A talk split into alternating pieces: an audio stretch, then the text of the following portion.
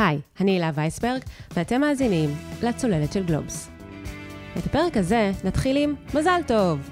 בואו נניח שבתחילת השנה קניתם סוף סוף דירה משלכם, בית בישראל. כמובן, לא עשיתם זאת לבד, אלא בעזרתו האדיבה של הבנק, ובקיצור, לקחתם משכנתה. אבל יש קאץ', כי כפי שאתם בטח יודעים וחווים על בשרכם, המחירים בחודשים האחרונים מטפסים בישראל ובכל העולם, מה שנקרא אינפלציה. כדי לרסן את האינפלציה הזו, הבנקים המרכזיים מעלים ריבית. זה מה שקרה גם אצלנו. בחצי שנה האחרונה בנק ישראל העלה את הריבית מרמה אפסית ל-2.75%, והיד עוד נטויה. בכמה המשכנתה שלכם התייקרה בגלל עליית הריבית? במאות שקלים פלוס מינוס. אבל זו רק ההתחלה, כי הריבית צפויה להמשיך ולעלות. האם זה אומר שהייתם צריכים לבנות את המשכנתה שלכם אחרת מלכתחילה? נניח עם פחות כסף במסלול של ריבית משתנה? יכול להיות. זו רק דוגמה אחת להחלטה פיננסית מהסוג שאנחנו מקבלים כל הזמן. אבל ההחלטות האלה נעשות הרבה יותר מורכבות בתנאים של אי-ודאות כלכלית. למשל, האם לשלם בתשלום אחד על האייפון החדש, או בתשלומים? האם ומתי להעביר כספים לאפיקים סולידיים כשיש ירידות בבורסה? והאם כדאי להיעזר במומחים כדי לקבל החלטות יותר מושכלות? ומה לגבי נדל"ן? האם עכשיו, דווקא עכשיו, זה הזמן להיכנס לשוק? על כל אלה נדבר היום עם דוקטור מורן אופיר. היא חוקרת בתחום של קבלת החלטות פיננסיות ומרצה בכירה בבית הספר רזינר למשפטים באוניברסיטת רייכמן. בימים אלה היא גם חוקרת אורחת באוניברסיטת קולומביה בארצות הברית ובבית הספר לכלכלה של לונדון. היי מורן. היי לה. אז בואי נתחיל ככה עם uh, להכיר אותך קצת יותר טוב. אני אשמח אם uh, תספרי על עצמך. אז אני מרצה וחוקרת בתחומי קבלת ההחלטות הפיננסיות, דיני חברות, ניירות ערך, וגם בעולמות הפינטק, באופן שבו הכניסה של הטכנולוגיה לעולמות המימוניים משפיעה על האופן שבו אנחנו מקבלים uh, החלטות. יש לי uh, דוקטורט במימון מהאוניברסיטה העברית בתוכנית של המרכז לחקר הרציונליות, ופוסט דוקטורט מ-NYU במשפטים, ואני משלבת במחקרים שלי וגם בהוראה שלי תובנות מתחומי הכלכלה, המימון, המשפט וגם הפסיכולוגיה. ואני גם אימא לשלושה ילדים אה, חמודים. ואולי נחשוף אה, למאזיננו איזשהו סוד כמוס, שאנחנו מתכנסות להקליט את הפרק הזה פה ברמת השרון, כי שתינו גרות כאן, אז זה מאוד נוח. אין כמו לעבוד קרוב לבית. אז את עוסקת בקבלת החלטות פיננסיות ומשלבת בין עולמות המימון, הכלכלה ההתנהגותית והמשפט. מה גרם לך להתעניין בתחום הזה? כשהייתי סטודנטית מאוד מאוד אהבתי ללמוד את התיאוריות, את התיאוריות הכלכליות וגם את התיאוריות שעומדות מאחורי עולם המשפט והמימון. התיאוריות היו תמיד נורא יפות ומשכנעות והוכחות מתמטיות מסודרות הוכיחו שהן נכונות. אבל תמיד הרגשתי שהתיאוריות יפות ומניחות הנחות שהן לא לגמרי מחוברות למציאות, והן לא מסבירות את איך שאנשים פועלים בפועל. והתחומים הכלכליים, המימוניים, המשפטיים, הם תחומים שמאוד מחוברים לעולם המעשה ומושפעים מהאופן שבו אנחנו מתנהגים, את המציאות עצמה. כן. לא בכדי את מכניסה הרבה מעקרונות הכלכלה ההתנהגותית לתוך המחקר שלך, אה, שזה תחום שבעצם צמח מתוך ההבנה שאנחנו לא פרטים רציונליים, כפי שהתיאוריות הכלכליות ה... קלאסיות הניחו. נכון, אז כשהתחום הזה צמח, דרך אגב, הוא זכה להתנגדות uh, סוערת מקרב הכלכלנים הנאו-קלאסיים, ואני חושבת שהיום יש יותר ויותר הבנה שיש מקום נכבד לתחום הזה, וזה תחום שחשוב להבין אותו גם במסגרת ההבנה של התיאוריה הכלכלית, ושאפשר גם להכיל אותו בתוך התיאוריה הכלכלית כדי לייצר הבנה יותר טובה של המשק, של השחקנים השונים במשק.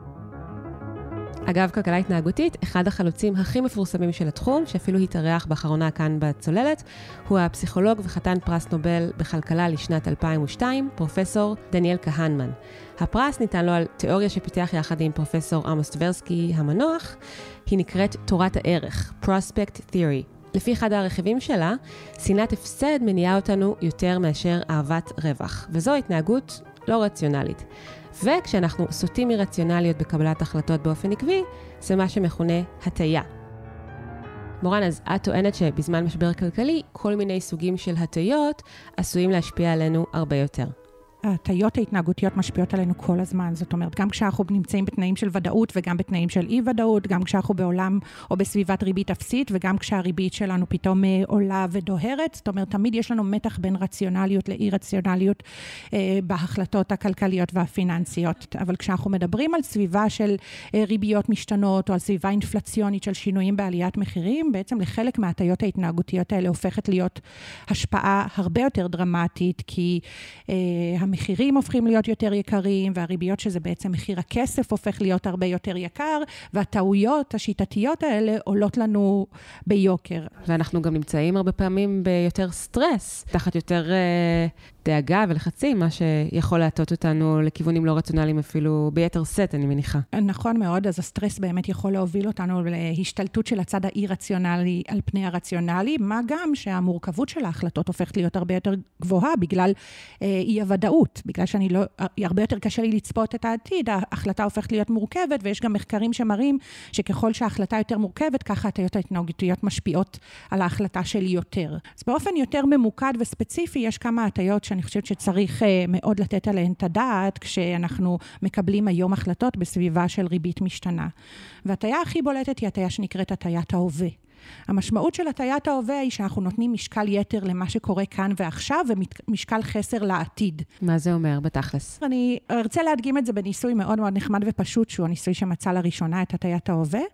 לקחו קבוצה של אנשים ואמרו להם, אתם בש... צריכים להחליט לגבי שבוע הבא, האם תרצו לקנח את הארוחה בשוקולד או בפירות?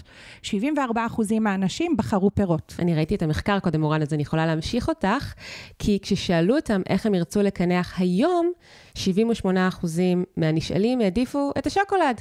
ואגב, פה לשולחן מונח שוקולד, אני מציעה שנקנח בו היום, וגם מחר. אה, יגיע לנו בסיום ההקלטה, כן. אז כשזה שבוע הבא, אני מוכנה יפה מאוד להתחייב על הפירות, אבל כשזה היום אני מעדיפה את השוקולד, וזה בדיוק מבטא את הרעיון שאנחנו בעצם לא יודעים להבין להיום את הערך של העתיד.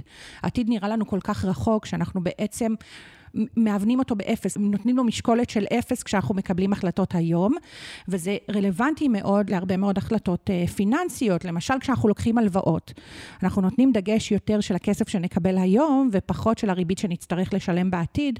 אז צריך באמת להפריד בין הלוואות שהן בריביות משתנות לריביות קבועות, כי אם ההלוואה היא הלוואה בריבית משתנה, אז היא תשתנה עם הריבית, ואם הריבית עולה, היא גם תתייקר הלאה, ולכן בהלוואות בריביות המשתנות, ה-present bias הזה, הטיית ההווה הזאת, היא, היא מאוד דרמטית. היא מאוד דרמטית מכיוון שאני היום מסתכלת על הכסף שנכנס לי ולא כל כך יודעת מה יקרה לתשלומי ההחזר שלי בעתיד, אה, ואני עשויה לקבל החלטה על אה, הלוואות יתר במצב הזה.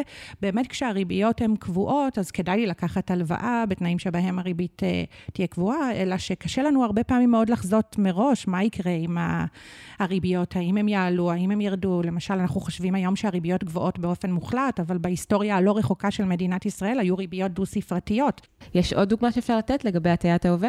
הטיית ההווה גורמת לנו הרבה פעמים להעדיף לשלם אה, על מוצרים או על שירותים בתשלומים ולא בתשלום אחד. זה בדרך כלל כרוך בתשלום ריבית, שוב, והסך הכל הופך להיות הרבה יותר גבוה מאשר לשלם בתשלום אחד. כי אנחנו מניחים שאנחנו נוכל לעמוד בזה גם בעתיד. נכון, אנחנו גם, התשלומים בעתידיים פחות כואבים לנו היום, מכיוון שאנחנו היום לא חשים בהם כמו שהיינו חשים, אילו היינו משלמים בתשלום אה, אחד היום.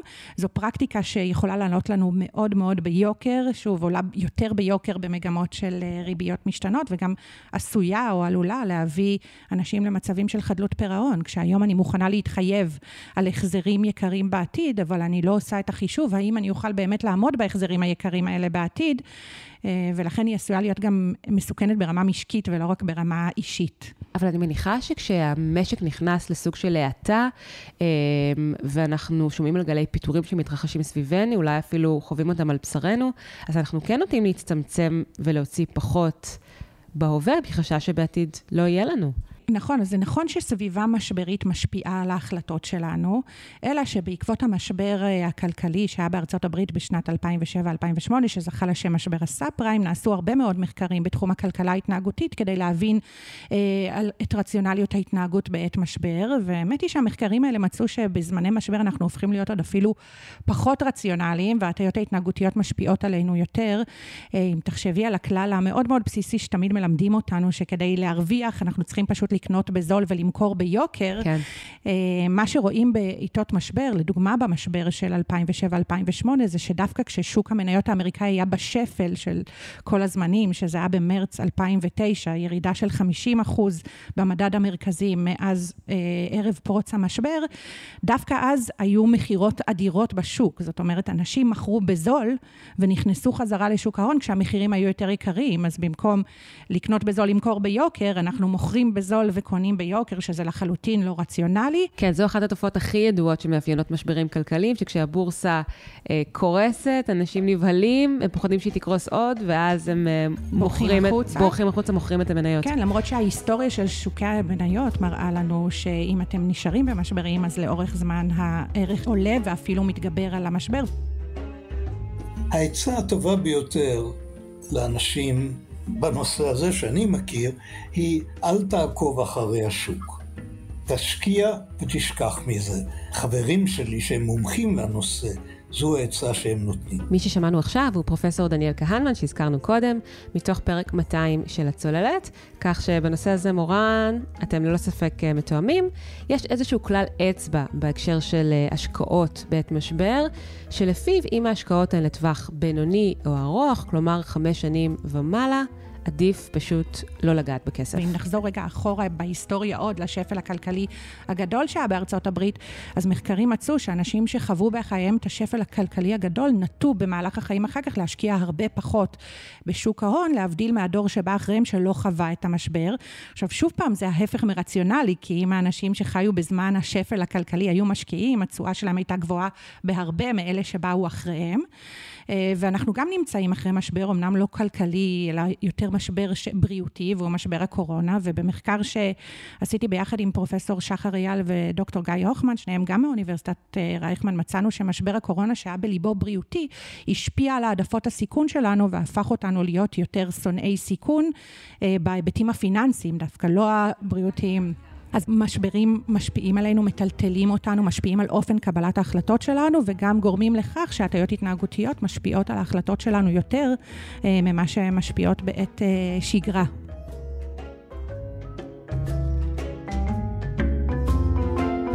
אז מורן, יש כמה הטיות נוספות שמצאת אה, במחקר שפרסמת לפני כמה שנים טובות, כבר בשנת 2016. אה, ביצעת אותו עם קולגות, פרופסור צבי וינר מהאוניברסיטה העברית ודוקטור יבגני מוגרמן מאוניברסיטת בר אילן. בדקתם איך שינויים בריביות משפיעים על תמהילי המשכנתאות שנטלו הישראלים לאורך עשר שנים. למשל, איך העלייה בריבית הפריים כפי שהתרחשה ממש בחודשים האחרונים, משפיעה על המסלולים שהישראלים בוחרים עבור המשכנתה שלהם. לפני שתספרי על הממצאים, אני אשמח אם תספרי גם איך הגעת לנושא. אז זה נכון שזה מחקר שערכנו כבר לפני כמה שנים, אבל הוא מקבל אה, משנה תוקף ורלוונטיות לעולם שבו אנחנו נמצאים היום. אבל כשערכנו את המחקר הזה, בדיוק אה, אני הייתי ברכישת ה... בתהליך רכישת הדירה הראשונה שלי, וכשהלכנו, כמובן כמו כולם, גם אני הייתי צריכה משכנתה כדי לקנות את הבית.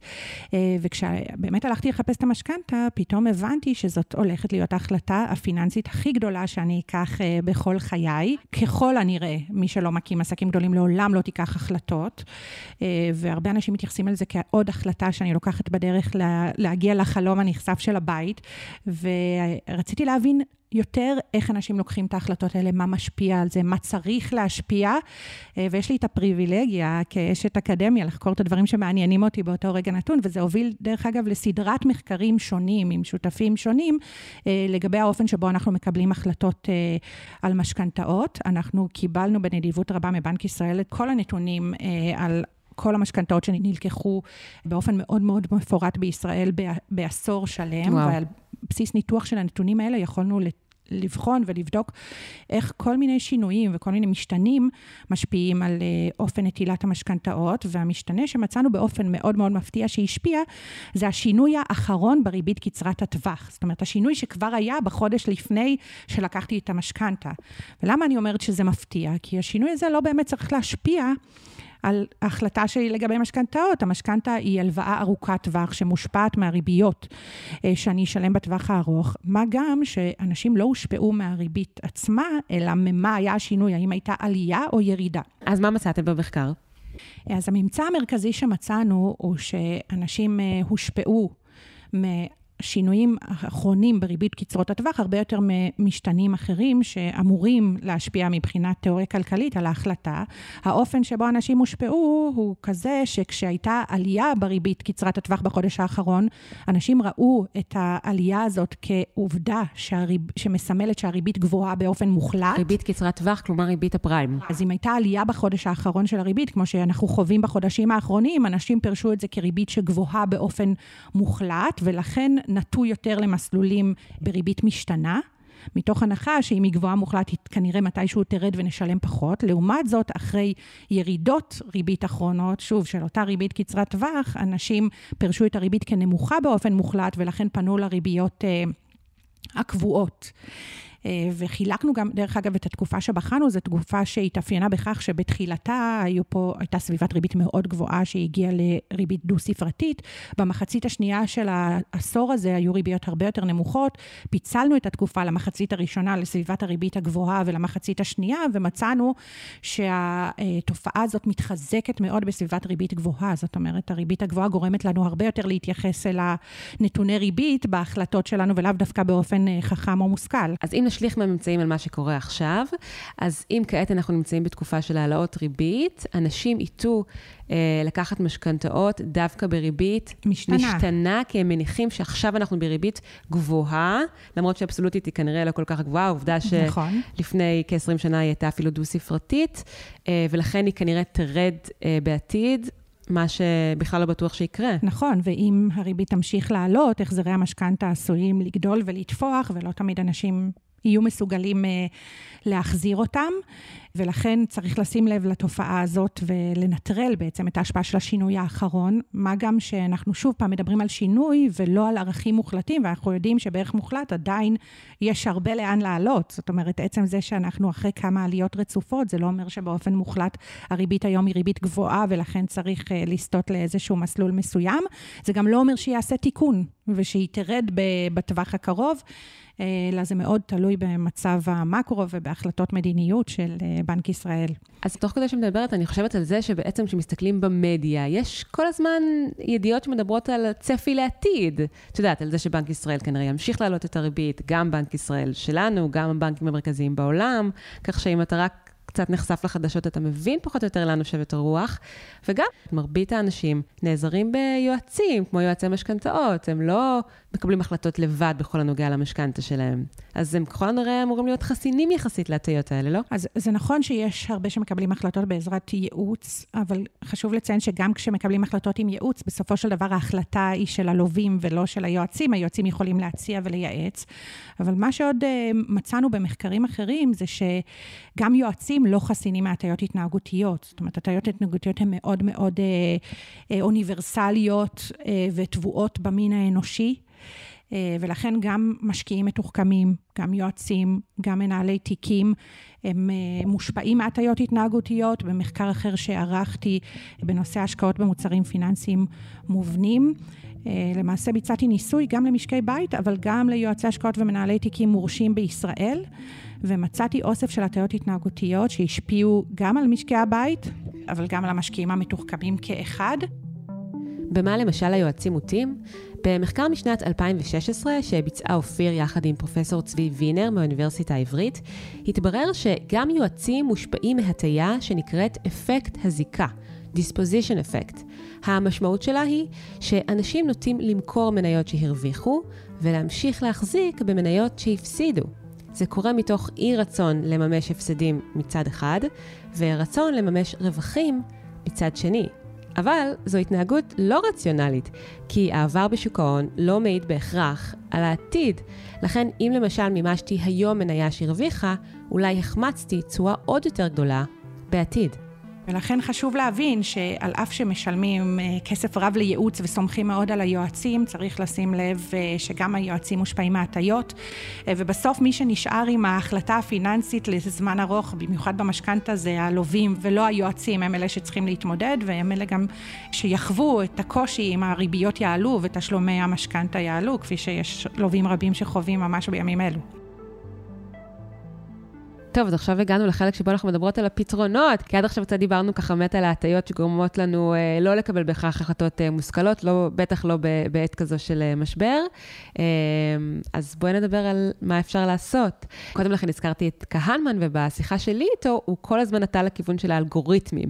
אם אנחנו כבני אדם יותר מדי אה, הולכים לכיוון של אה, הטיות מטבענו, אז האלגוריתמים שהם לכאורה דבר אה, נקי, אה, יסייעו לנו. אה, אבל אני לא בטוחה שזה הכיוון שלך. נכון, אני מאוד ספקנית, דרך אגב, לגבי האופן שבו אלגוריתמים יכולים לסייע בצמצום הטיות התנהגותיות, כי אם תחשבי, מי שמנסח את האלגוריתמים במקור זה אנשים אנושיים, ולכן הרבה פעמים גם האלגוריתמים עצמם עשויים להיות מוטים, ודרך אגב, כשהאלגוריתמים הם מוטים, התוצאה היא תוצאה הרבה יותר דרמטית, כי האלגוריתם פועל בעוצמה הרבה יותר גדולה, בקרב, משפיע על הרבה יותר אנשים ובמהירות תגובה הרבה יותר גדולה, ולכן להבדיל מהחלטה אנושית בודדת, האפקט של זה יכול להיות אפקט הרבה יותר גדול, ולכן גם כשמנסחים אלגוריתמים צריך לחשוב איך אנחנו יוצרים אלגוריתמים שהם לא מוטים ושהם אלגוריתמים שהם מתקנים הטיות, יוצרים תהליך שנקרא debiasing. עכשיו, כשמדברים על פתרונות, הפתרונות בדרך כלל מתחלקים לשלושה סוגים. סוג אחד הוא סוג מאוד פשוט והוא עוסק במודעות, וזה מה שאנחנו עושות כאן שתינו היום, אה, בעצם מייצרות מודעות לתופעות האלה ולהשפעות של התופעות האלו. המודעות הזאת לא מנטרלת אותן, אבל לפחות היא מסייעת לכולנו לקבל החלטות יותר מושכלות. אנחנו מגיעים או מגיעות לעמדת קבלת ההחלטות שאנחנו יודעות מה משפיע עלינו, ושאנחנו יודעות את עוצמת ההשפעה ולאיזה מקום זה עשוי לקחת אותנו, ואז אנחנו יכולות לקבל את ההחלטה בצורה שהיא צורה יותר טובה. העולם השני זה עולם של החינוך הפיננסי. זאת אומרת, החינוך הפיננסי יוצר מודעות, אבל הוא גם יוצר, הוא אם מתחילים אותו מגיל צעיר, הוא מטביע את הרעיונות האלה כבר בחשיבה של הילדים הצעירים, כשיגיעו לבגרות, הם יוכלו לקבל החלטות שהן החלטות אולי פיננסיות יותר נכונות. והתחום השלישי הוא תחום אה, מאוד מעניין ומאוד מתפתח, שמדבר על יצירת סביבת קבלת החלטות שהיא אה, מייצרת תיקון הטיות, אה, והמושג שזכה להכי הרבה פופולריות הוא מושג ה nudge, הדחיפה הקטנה במרפק, שמייצרת לנו סביבת קבלת החלטות. עוד זוכה פרס נובל, שהגה וחקר את המושג הזה, ריצ'רד טלר. נכון, לחלוטין. ה nudge גם קאס סאנסטיין פיתח את זה, אבל הרעיון של nudge הוא רעיון של לייצר שינוי קל. וזול בסביבה, והשינוי הזה נותן דחיפה קלה שגורמת לנו לקבל החלטות טובות יותר. למשל? למשל, הדוגמה הקלאסית זה המדבקות שיש בתאי השירותים של הגברים, שגורמות להם להתרכז ופחות אה, לפספס. המדבקה הזאת כמעט לא עולה כלום, וממש מראים שהניקיון נשמר בצורה מרהיבה ככה. עוד דוגמה זה מדינות שבחרו למשל את אה, מעברי החצייה שלהם, במקום לצייר דו-מימדיים, לצייר תלת-מימדיים, וזה נראה כאילו הם מרחפים באוויר, וזה גורם לאנשים פשוט לעצור לפני מעברי החצייה האלה ולא לנסוע באופן שוטף. אז יש לנו פה שינויים קטנים שמשפיעים על האופן שבו אנחנו מתנהלים ומקבלים החלטות. גם בעולמות הפיננסיים אפשר ליישם אה, שינויים קטנים כאלו. כן, הדוגמה, אני חושבת, הכי מובהקת היא שהמדינה מכריחה אותנו לחסוך לפנסיה, וזו הסיבה שאנחנו אכן עושים זאת. נכון, אז זה... זה, זה חיסכון ארוך טווח נכון. שהוא קריטי עבורנו. היום, בגלל הטיית ההווה, לא חושבים על משהו אולי חלילה קשה שעשוי לקרות לנו בעתיד, ואולי גם בגלל אופטימיות יתר, שאנחנו חושבים שתמיד נהיה שמורים, צעירים, בריאים, פעילים, עובדים, בעלי כושר תעסוקה. אה, המדינה בעצם מייצרת לנו חשבון שבו אנחנו שמים את הכסף הזה בצד ליום סגריר, כי אחרת לא היינו עושים את זה. אז זה באמת הכיוון של צעדי מדיניות שראוי לנקוט בהם, אבל אני חושבת שבאמת הזכרנו המון המון הטיות, ואפילו זה יוצר איזה מין אה, בלבול כזה אה, בראש.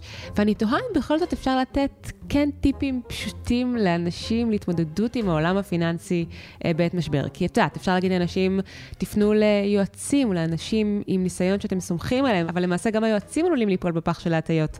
אז מה אפשר לעשות? נשמע קשה. זה נכון שזה נשמע קשה, וזה באמת מורכב, ובאמת אנשים מתמודדים עכשיו עם מצבים פיננסיים לא פשוטים, ואולי עוד יתמודדו בעתיד, וצריכים לקבל בהם החלטות.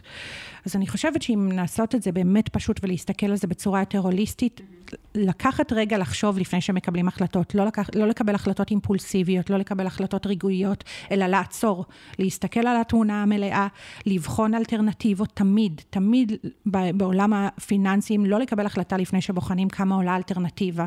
ולפני שמנסים לשפר את ה... הערך של ההחלטה בכל דרך אפשרית. המשבר לפעמים מכניס אותנו ללחץ, כמו התופעה שדיברנו על זה שכולם בורחים מחוץ לשוק ההון בתקופות משבר, לחכות. אז כשמדברים על שוקי הון, התופעות ההיסטוריות מראות שכדאי פשוט להישאר לאורך זמן, ומי שיש לו את היכולת הזאת, אז כמובן שכדאי פשוט לשרוד את התקופה המשברית, כי השווקים לאורך זמן עולים. וכשמדברים על החלטות לגבי נטילת הלוואות, ובייחוד החלטות לגבי נטילת הלוואות ארוכות טווח, כמו משכנתאות, שעשויות להתייקר אם מגמת עליית הריבית תימשך, אז אפשר להיעזר בייעוץ, אבל אף פעם לא להחליף את ה... ההחלטה הסופית האישית בהחלטה של היועץ או היועצת, ולקבל החלטה מושכלת כשאת שמה לנגד עינייך את כל האלמנטים ואת כל ההשפעות ואת מה שאת רואה לעצמך בעתיד, וגם תוך הבנה שיש תופעות מסוימות שעשויות להשפיע על ההחלטות שלנו, והן תופעות יותר פסיכולוגיות וקוגניטיביות, ואנחנו רוצים ורוצות להכיר אותן כשאנחנו מקבלים את ההחלטות. אני חושבת שגם בעיקר, אה, בכל הנוגע להחלטות פיננסיות שנלקחות לטווחים של 20 ו-30 ויותר שנים לפעמים, כשבאמת אי אפשר לדעת מה יהיה, אז אולי אלמנט מאוד חשוב הוא אלמנט של פיזור סיכונים, וזה גם עשוי להיות רלוונטי למשכנתאות שלנו. זה נכון מאוד, כי באמת אף אחד מאיתנו הוא לא נביא או נביאה, ואנחנו לא יכולים לחזות מה יהיה בעוד עשרות שנים, ולמעשה החלטת נטילת המשכנתה מאלצת אותנו לחזות דברים שאנחנו, אין לנו שום כלים וגם שום יכולת, דרך אגב, גם אנשים מאוד מתוחכמים לא יכולים לחזות אותם, ולכן גם לפזר סיכונים זה נכון, אז כשאנחנו בוחרים את האפיקים השונים, לא כדאי ללכת עד לקצה האפשרי מבחינת הרגולציה לגבי אפיק מסוים. למשל, אם היום הרגולטור מאפשר לנו לקחת שני שלישים של ריבית משתנה, לא בטוח שזה ההרכב שאופטימלי עבורנו. כן, האמת שבשיחה המקדימה שלנו דיברנו על כך שבאמת אה, לפני שנתיים בנק ישראל יצא עם איזושהי החלטה שהוא מאפשר אה, לקחת שני שלישים מהמשכנתה בריבית משתנה, כשהוא חתר לכך שנוכל לקחת למשל שני שלישים בריבית פריים שנחשבת לרכיב הזול יותר, הוא ניסה לסייע לנו בתקופה של משבר קורונה, אבל הנה, חלפו שנתיים, ועובדה שאנחנו נמצאים בסיטואציה כלכלית אחרת, כך שזה לא בהכרח היה הדבר הנכון לעשות. נכון מאוד, וה, והעצה הנוספת היא לקחת תמיד טווחי ביטחון. זאת אומרת, לא ללכת עד הקצה, לא עכשיו, וגם לא במחשבה שלנו לגבי העתיד. כי, ב, כי להשאיר תמיד איזשהו טווח שיספוג את הסיכונים לגבי תנודות uh, בעתיד, או גם את הסיכונים שנובעים מההשפעה של הטיות התנהגותיות, ולכן גם אם עכשיו אנחנו מרגישים שיש לנו איזושהי יכולת למתוח את עצמנו עד הקצה, אנחנו לא יודעים מה יהיו השינויים הקרובים, בעיקר בשוק שמתאפיין באי ודאות ובשינויים מקרו-כלכליים של עליות מחירים ועליות ריביות, לקחת פחות מהקצה כדי לספוג את הטלטלות האלה בלי להיכנס למצוקה פיננסית אמיתית ובלי להגיע חלילה למצבים של חדלות פירעון של חובות. את מדברת, מורן, על עוד הטיה התנהגותית בשם הטיית ההשלכה, projection bias, שגורמת לכך שמה שאנחנו מרגישים כרגע מושלך על אירוע עתידי, למרות שלא בהכרח נרגיש בעתיד, כמו שאנחנו מרגישים עכשיו. למשל, אם אנחנו רעבים עכשיו, ואת זה כולם מכירים, ואנחנו הולכים לסופר, אז זו טעות מרה, כי אז אנחנו ניתן לקנות המון המון המון מוצרים שבכלל לא, נזדקק להם אה, בסופו של דבר. מה הקשר בין ההשלכה הזו לבין החלטות פיננסיות בתנאים של אה, מחירים בעלייה, אינפלציה? כפי שקורה עכשיו. אז זה נכון, זאת הטיה שאני חושבת שאין אחת ואחד שיגידו שלא חוו אותה באיזשהו שלב בחיים. היא מאפיינת את הנטייה שלנו להשליך באופן שגוי את העדפות העכשוויות שלנו על אירועים עתידיים. בעצם אנחנו מקבלים החלטות שהן מזוהמות רגשית, אנחנו קוראים לזה איזשהו זיהום רגשי או זיהום מנטלי, ברגע שאנחנו... נמצאים בו בזמן קבלת ההחלטה. אז אם הולכים לסופר רעבים, אז קונים הרבה מעבר למה שצריך אה, לכלכלה הביתית, ואחר כך זורקים את הכל בצער רב ובכאב רב. או אם הולכים למסעדה, במצב של רעב קיצוני, אז מזמינים הרבה יותר ממה שמסוגלים לאכול. או אנחנו עכשיו בפתחה של עונת מעבר, בגשם הראשון כולם רצים וקונים מעילים כבדים ומגפיים, ואנחנו יודעים שבחורף הישראלי אנחנו כמעט לא צריכים את זה. זה משפיע לנו גם על החלטות פיננסיות. למשל, אה, כשאנחנו באמת מרגישים צורך אז לקחת הלוואה, אנחנו הרבה פעמים יכולים לטעות לקחת הלוואות שהן הלוואות לא מספיק טובות, מבלי לעשות את המשא ומתן או המיקוח על תנאי ההלוואה, ומבלי לקחת את גודל ההלוואה שבאמת מתאים לנו. אנחנו נוטים להיכנס לחובות יתר, לקחת הלוואות גדולות מדי בגלל המצוקה. ואני אומר עוד שכשהסביבה היא סביבה אינפלציונית והמחירים הם כל הזמן עולים, הזיהום המנטלי הזה הופך להיות מאוד מאוד יקר.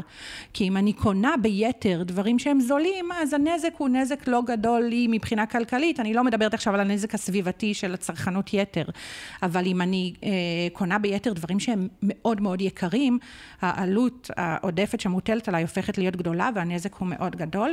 ופה יש המלצה מאוד קלה איך לתקן את זה. פשוט אל ללכת... אל תלכו לסופר רעבים. בדיוק, אל תלכו לסופר רעבים, תנטרלו את הזיהום המנטלי הזה, תלכו לקבל החלטות כשאתם שבעים, כשאתם רגועים, כשאתם לא עייפים, כשאתם לא באיזה מצוקה או בלחץ, כשאין לכם איזושהי אה, סערת רגשות שעלולה לזהם את ההחלטה, שצריכה להיות החלטה מושכלת. אה, אז תאכלו לפני שהולכים לסופר או למסעדה. זה נכון תמיד ונכון אה, אה, היום אפילו יותר.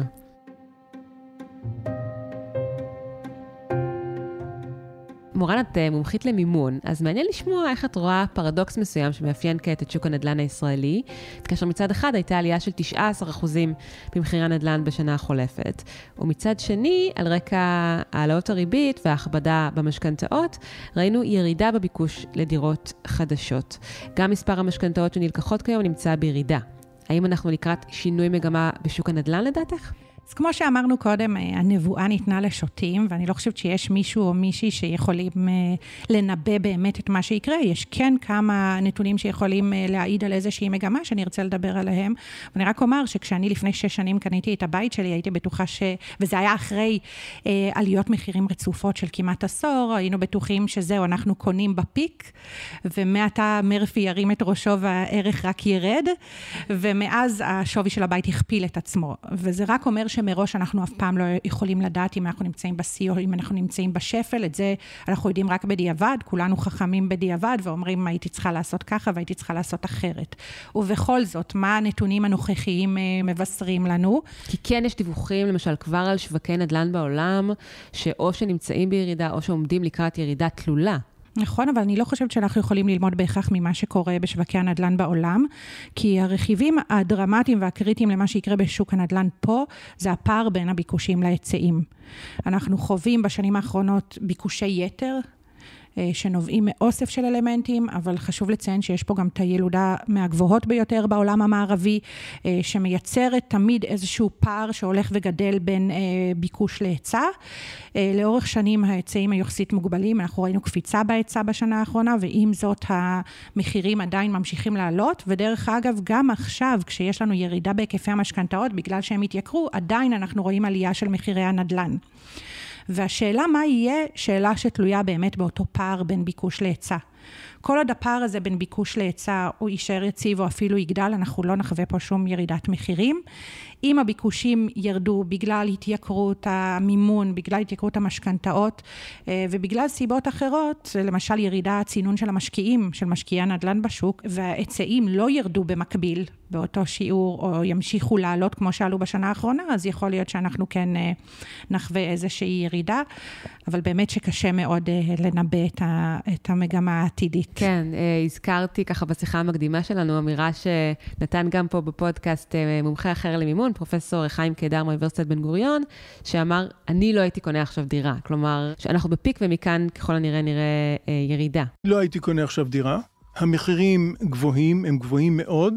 לא מן הנמנע, וזה קרה בישראל כבר, לא מן הנמנע שהמחירים, אם לא ירדו, לפחות יפסיקו לעלות מבחינה ריאלית. את לא בהכרח מסכימה. נכון, אני נוטה שלא להסכים איתו באופן מוחלט, ואני חושבת שמאוד חשוב, כשמנתחים עכשיו את ההחלטה, האם אנחנו צריכים לקנות עכשיו דירה או לא, האם נכון או לא, להפריד בין שתי קבוצות של שחקנים בשוק הזה, בין המשקיעי הנדל"ן לבין אנשים שרוכשים דירה למטרות מגורים. כן. לגבי משקיעי הנדל"ן, הרווח מהשקעה בנדל"ן נובע מהפער בין עלויות המימון, בין הריביות, לבין התשואות על הנדל"ן. אז כל עוד, וזה מה שקרה פה בשנים האחרונות, או בעשורים האחרונים אפילו, כל עוד התשואה על הנדל"ן גבוהה מהריביות שמשלמים על המשכנתאות, להיות אה, משקיע נדל"ן זה בעצם להדפיס כסף. לחלוטין, ולכן היו פה תשואות מאוד מאוד גבוהות למשקיעי נדל"ן. אה, תמיד אנחנו מסתכלים גם על אלטרנטיבה, משקיעי נדל"ן לא צריכים להסתכל על אלטרנטיבה של שכירות, כי הדירה היא לא לצורכי מגורים, אלא רק לצורכי השקעה. ולכן, אם הייתי משקיעת נדל"ן, הייתי בודקת טוב טוב מה המהות העסקית או הכלכלית של העסקה שעומדת לפניי, וכמה יש פוטנציאל של צמיחה של ערך הנדל"ן, לעומת מה שצפוי לקרות פה עם הריביות. להבדיל, אנשים שרוצים לרכוש עכשיו דירה לצורכי מגורים, נמצאים במערכת שיקולים אחרת לגמרי. אני גם לא חושבת שאנחנו רוכשים דירה לצורכי מגורים רק כדי להשיא את התשואה ממנה, אלא כדי לענות על הרבה מאוד מאפיינים פסיכולוגיים. אנחנו רוצים שיהיה לנו בית, מקום לגור בו, שייכות וערך אחר. זה פשוט המון כסף, אה, ואם אפשר לשלם פחות, אז אה, מה טוב. נכון, אבל צריך להבין שהאלטרנטיבה היא השכירות למי שמחפש דירת מגורים. השכירות בחודשים האחרונים עולה בשיעורים הרבה יותר גבוהים ממחירי הנדל"ן, ולמעשה הפכה להיות מאוד מאוד יקרה. ולכן אני חושבת שמי שמוצא או מוצאת עכשיו דירה שהיא מוצאת חן בעיניהם, זה נכון לקנות, זה גם מייצר את החשיפה לשוק הזה. השוק הזה הוא שוק תנודתי.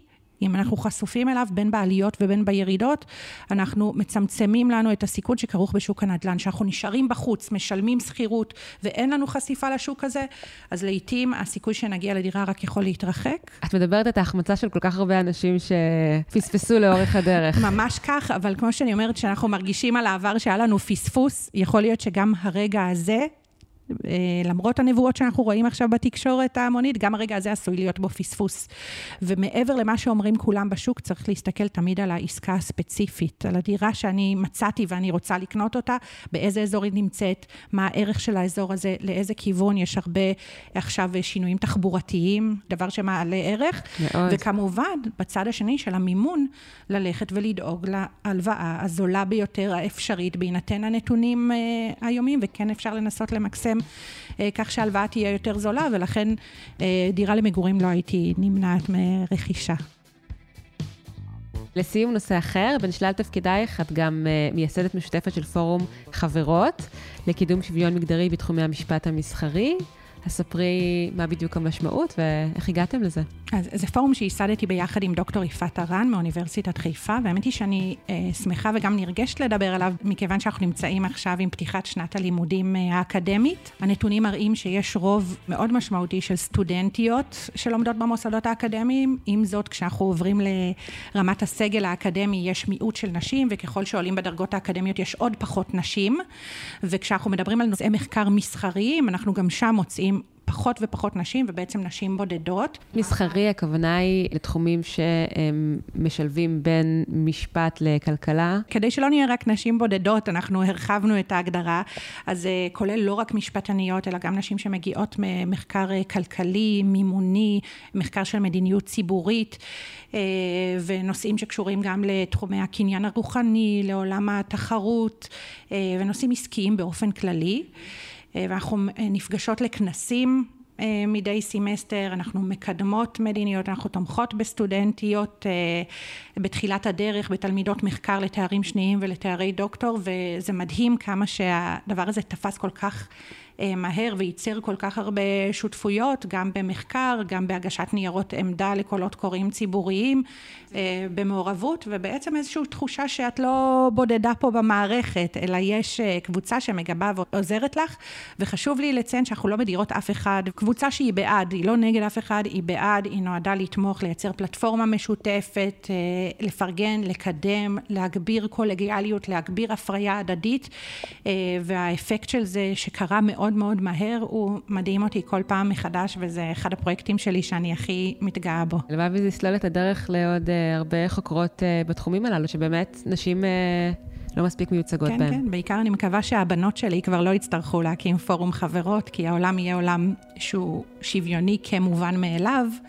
אה, ואם אני אצליח אה, להביא לכזאת תוצאה, אה, אני חושבת שעשיתי את שלי במובן וואו, הזה. וואו, לחלוטין. דוקטור מורן אופיר, זה היה מרתק, חשוב ורלוונטי. תודה רבה. תודה רבה לך, הילה. עד כאן עוד פרק של הצוללת. אתם יכולים למצוא אותנו באתר גלובס, בספוטיפיי או בכל אפליקציות פודקאסטים. נשמח אם תעשו לנו subscribe, ואם אהבתם, תשלחו את הפרק לחברה או חבר שאתם אוהבים. עורך הסאונד הוא ניר לייסט, בצוות הצוללת חבר גם אורי פסובסקי. אפשר לדבר איתנו בפייסבוק, בטוויטר, אפילו בלינקדאין. אם יש לכם מחשבות, הצעות, תגובות, שאלות, כל דבר, אתם מוזמנים לשלוח לי מייל להילה, h-i-l-a, מקף אמצעי, w, at globes, g-l-o-b-e-s, נקודה co.il. ולסיום, עוד הודעה חשובה. אם אתם אוהבים את התכנים שאנחנו משמיעים לכם פה בצוללת, ורוצים להבין עוד לגבי מה שקורה בכלכלה ואיך זה נוגע לחיים שלכם, לכסף שלכם, אתם יכולים לעשות מנוי לגלובס. חפשו את האפשרויות השונות באתר גלובס. תודה לכולכם שהאזנתם. אני אלה וייסברג, נתראה בפעם הבאה. ביי ביי.